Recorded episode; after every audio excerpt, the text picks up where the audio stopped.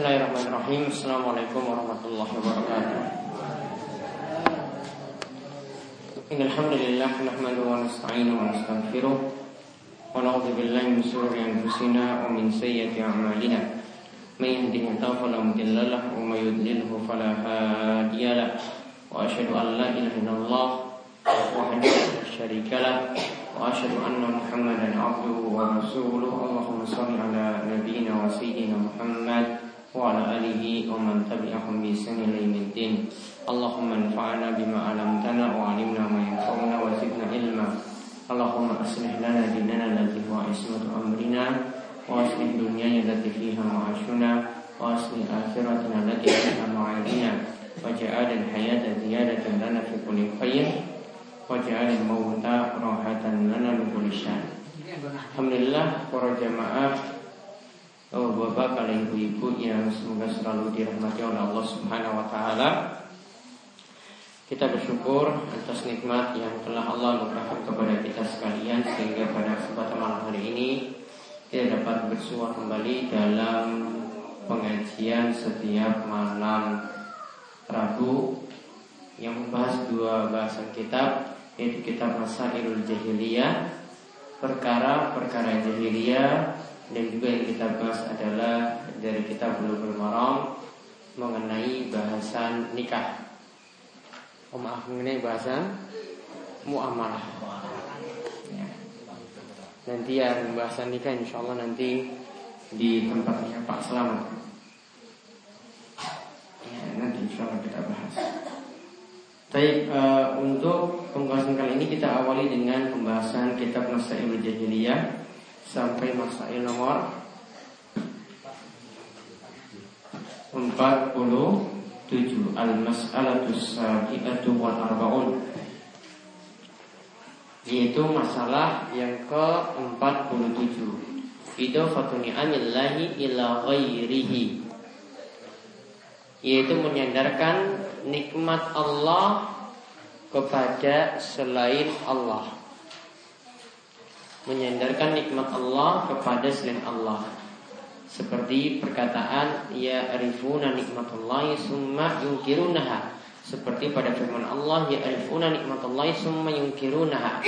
Mereka mengetahui nikmat-nikmat Allah kemudian mereka mengingkarinya. Ini disebutkan dalam surat An-Nahl ayat ke-83.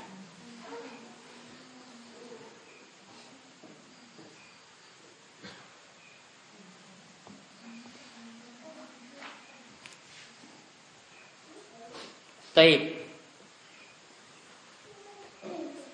Di sini sebutkan menyandarkan nikmat kepada selain Allah. Nikmat itu ada dua macam. Yaitu nikmat yang khusus dan nikmat yang umum.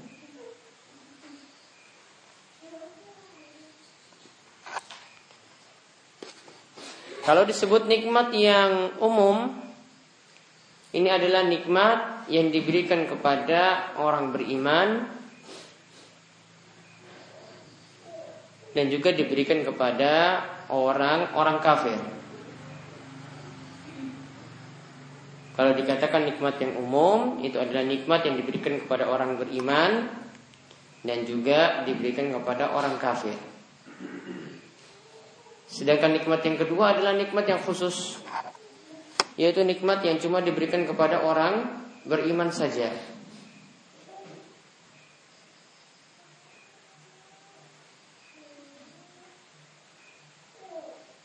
Contoh nikmat yang umum itu apa? Pak Nasir? Nikmat kesehatan Waktu luang juga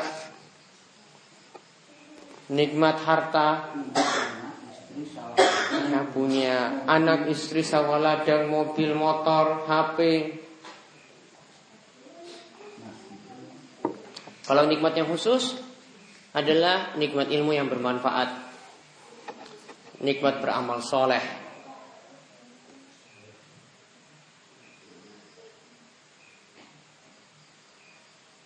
Nikmat mendapatkan rezeki yang halal.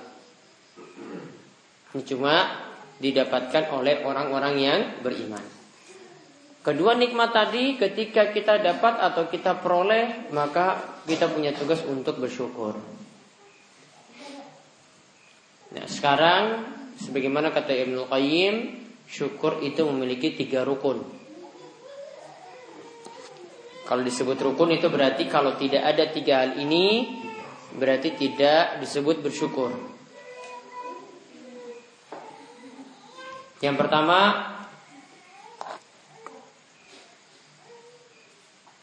menyandarkan nikmat tersebut pada Allah di dalam hati. Berarti meyakini nikmat tersebut dari Allah di dalam hati.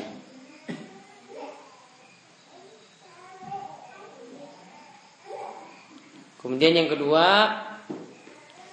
menyatakan dalam lisan menyatakan dalam ucapan bahwa nikmat itu dari Allah.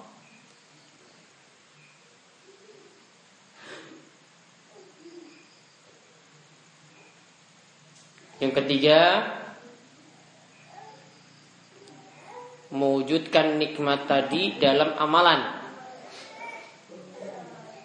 Mewujudkan nikmat tadi dalam amalan-amalan kebajikan bukan pada maksiat.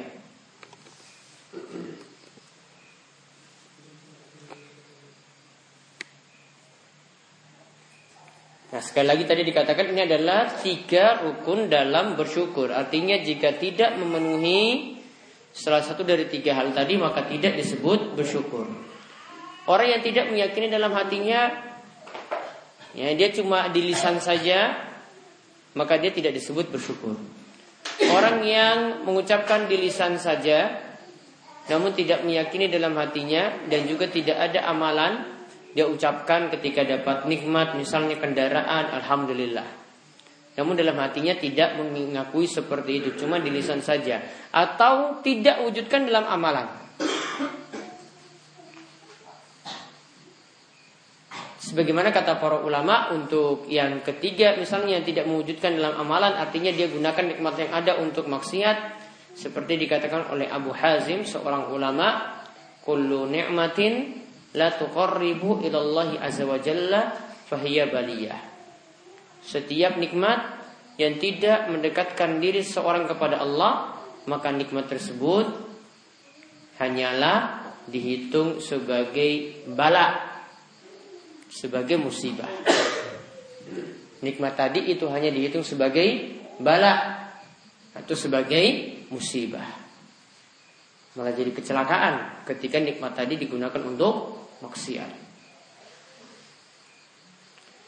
Nah sekarang bentuk menyandarkan nikmat tadi kepada selain Allah. Tadi nikmat tadi kita sudah sebutkan oh, di antara rukunnya kita sandarkan nikmat tersebut kepada Allah. Artinya kita akui nikmat ini datang dari Allah.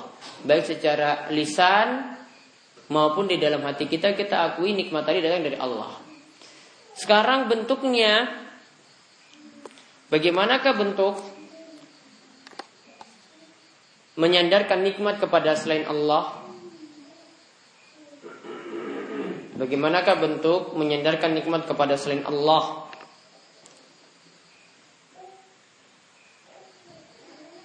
Yaitu yang pertama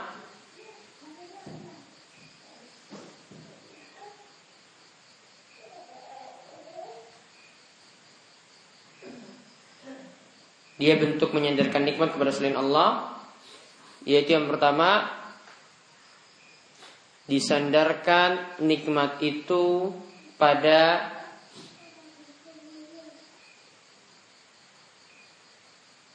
Benda yang tidak bisa berbuat apa-apa.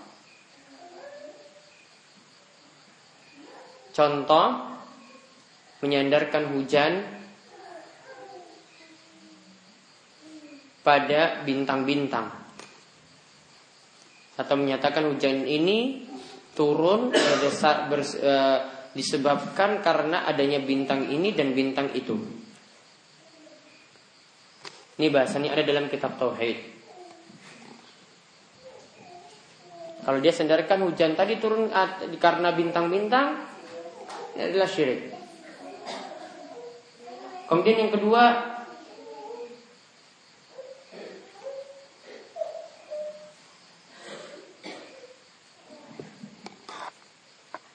menyandarkan nikmat kepada manusia atau orang lain.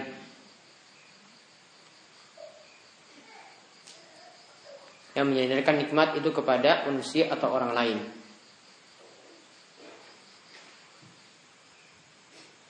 Contoh misalnya gaji yang diperoleh dia sandarkan pada majikan bukan pada Allah. Jadi gaji ini dia tidak bersyukur pada Allah atas nikmat tersebut. Jadi dia bilang bahwasanya oh saya bisa dapat gaji seperti ini cuma gara-gara majikan saya itu baik. Dia tidak sandarkan pada Allah. Atau misalnya dia dapat kesembuhan. Wah saya bisa sembuh seperti ini karena dokter itu. Cuma karena dokter itu saja yang bisa membuat saya sembuh dia tidak sandarkan nikmat tadi kepada Allah. Ini juga tidak boleh. Harusnya seorang itu uh, menyatakan bahwasanya alhamdulillah saya bisa sembuh ini dengan izin Allah Subhanahu wa taala kemudian dengan pertolongan dokter tersebut. Jadi dia sandarkan terlebih dahulu pada Allah. Kemudian yang ketiga yaitu menyandarkan nikmat pada kemampuan diri sendiri. atau kecerdasan diri sendiri.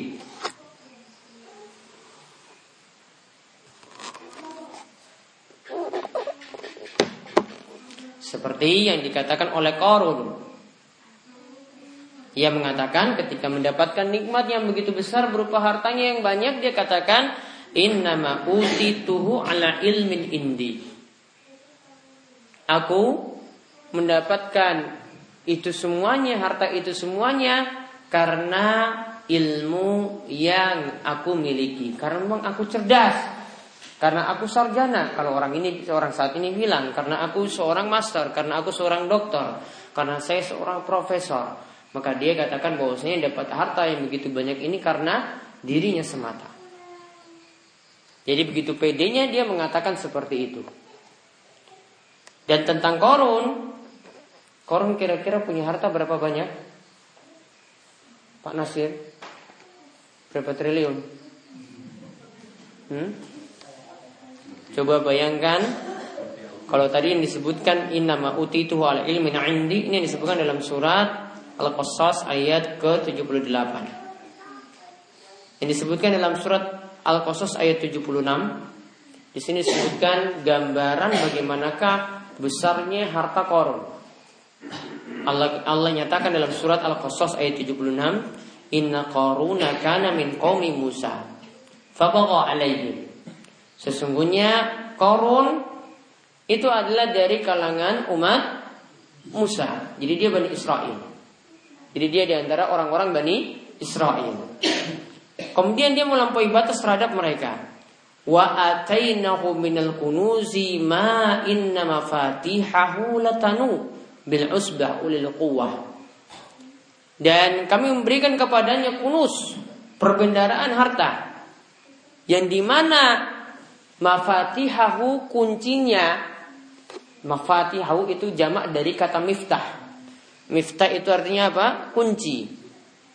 Kuncinya itu kalau dipikul itu harus oleh orang-orang yang kuat, orang yang banyak dan kuat. Jadi bukan orang banyak saja. Ini kuncinya kalau mau dipikul itu oleh orang yang banyak dan orang yang kuat. Sini disebutkan banyaknya orang yang mikul kunci perbendaraan hartanya itu sampai 10 orang. Kunci netok ya. Sampai 10 orang. Itu pun harus dengan orang-orang yang kuat. Kalau orang-orang yang kurus-kurus enggak. Ya ini berarti sengelemu ya. Ini kayak Pak Sukir mana Pak Sukir? Ya kayak Pak Sukir gitu ya semuanya itu semua 10 orang tadi orang-orang yang kuat bukan orang-orang yang kurus-kurus yang kecil-kecil bukan ini orang-orang yang kuat Ini baru apa? Kuncinya. Maka bayangkan, coba bayangkan jumlah hartanya itu seperti apa. Kuncinya saja seperti itu. Ya, kuncinya saja seperti itu. Maka silakan bayangkan hartanya itu seperti apa. Orang mau buka lemarinya harus 10 orang yang pegang kuncinya. Ya, kita kan cuma kuncinya kan ringan aja kan. Buka pintu mudah, nggak punya apa-apa. Ini korun untuk buka lemarinya saja harus dengan 10 orang yang pegang kuncinya. Ya itu saking artinya seperti itu dia, dia katakan tadi bahwa saya dia dapat harta tadi inna ma'uti itu ala ilmin indi. Aku mendapatkan nikmat tersebut karena ilmu yang aku miliki. Karena aku itu wong pinter, aku wong cerdas, aku wong sarjana, aku wong sekolah, makanya saya ya kata korun mendapatkan seperti itu. Dan ceritakan bahwasanya Korun ini ahli kimia. Tapi saya cuma dengar saya dari orang Sudan. Dia bilang itu Korun itu dulu ahli kimia. Tapi saya nggak tahu kisahnya bagaimana. Dia bilang seperti itu.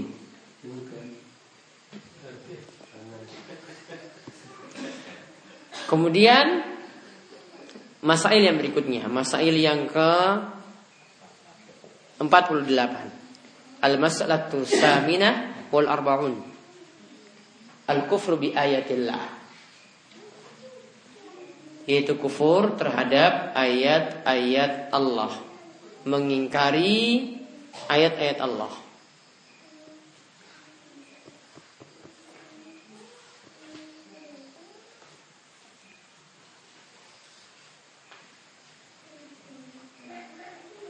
Ini juga di antara sifat jahiliyah. Mereka punya sifat mendustakan atau mengingkari ayat-ayat Allah. Ini sebagaimana disebutkan dalam surat Al-A'raf ayat ke-40. Innal kadzdzabu bi ayatina wastakbaru anha. Sesungguhnya orang-orang yang mendustakan ayat-ayat kami. Orang-orang yang mendustakan ayat-ayat kami Wastakbaru dan mereka begitu sombongnya. Wastakbaru anha dan mereka begitu sombongnya. La tufattahu lahum abwabus sama. Maka tidak akan dibukakan bagi mereka pintu-pintu langit. Wala yadkhulunal jannata dan mereka tidak akan masuk surga. Hatta yalijal jamalu fi sammil. Sampai unta itu bisa masuk dalam lubang jarum. Wa kadzalika najzil mujrimin dan demikianlah kami membalas pada orang-orang yang berbuat dosa. Maka dalam ayat ini surat Al-A'raf ayat ke-40 ini menunjukkan ancaman bagi orang-orang yang mendustakan ayat-ayat Allah. Disebutkan hujah seperti ini ayat ini mereka ingkari. Disebutkan hadis ini mereka juga ingkari. Dan di sini dikatakan baru anha dan mereka disebut sebagai orang yang sombong. Yang di mana yang di mana yang dimaksudkan dengan sombong itu memiliki dua sifat, batrul haq wa gomtun nas. Yaitu batrul haq menolak kebenaran dan meremehkan manusia. Ya, dia menolak kebenaran padahal dalilnya sudah jelas, kemudian dia meremehkan manusia. Artinya dia mungkin berada dalam kebenaran dan ketika itu dia malah meremehkan orang-orang sampai mungkin dalam hatinya tidak menginginkan orang lain itu dapat kebaikan. Kemudian dikatakan di sini ancamannya bagi orang yang mendustakan ayat-ayat Allah tidak akan dibukakan bagi mereka pintu-pintu langit yaitu karunia-karunia Allah Subhanahu wa taala dan juga mereka tidak akan masuk surga. Permisalannya di sini Allah katakan, ya sangat tidak mungkin masuk surga itu seperti permisalannya seperti unta yang masuk dalam lubang jarum. Unta itu bair, di antara hewan ternak yang paling besar. Lebih besar daripada sapi. Lebih tinggi maksudnya. Kemudian jarum itu sesuatu lubang yang sangat-sangat kecil. Maka untuk orang yang mendustakan ayat-ayat Allah tadi mereka untuk masuk surga itu suatu yang mustahil. Kemustahilannya seperti apa? Seperti unta yang akan masuk pada lubang jarum. Sangat-sangat mustahil. Ya, sangat-sangat mustahil. Bulunya saja mungkin nggak bisa masuk. Ya, bulunya saja itu mungkin sulit masuk, apalagi untanya utuh. Maka ini akibat dari orang-orang yang mendustakan ayat Allah, mereka diancam tidak masuk surga. Dan inilah sifat jahiliyah. Jadi sifat jahiliyah yang kita lihat dalam ulasan kali ini ada dua, ya, yaitu yang pertama tadi adalah orang yang mengingkari nikmat Allah dengan menyandarkan pada yang lainnya. Kemudian yang kedua itu adalah ya orang-orang yang mendustakan ayat-ayat Allah Subhanahu wa taala. Demikian untuk masail jahiliyah kita bahas dua masail tadi. Kita lanjutkan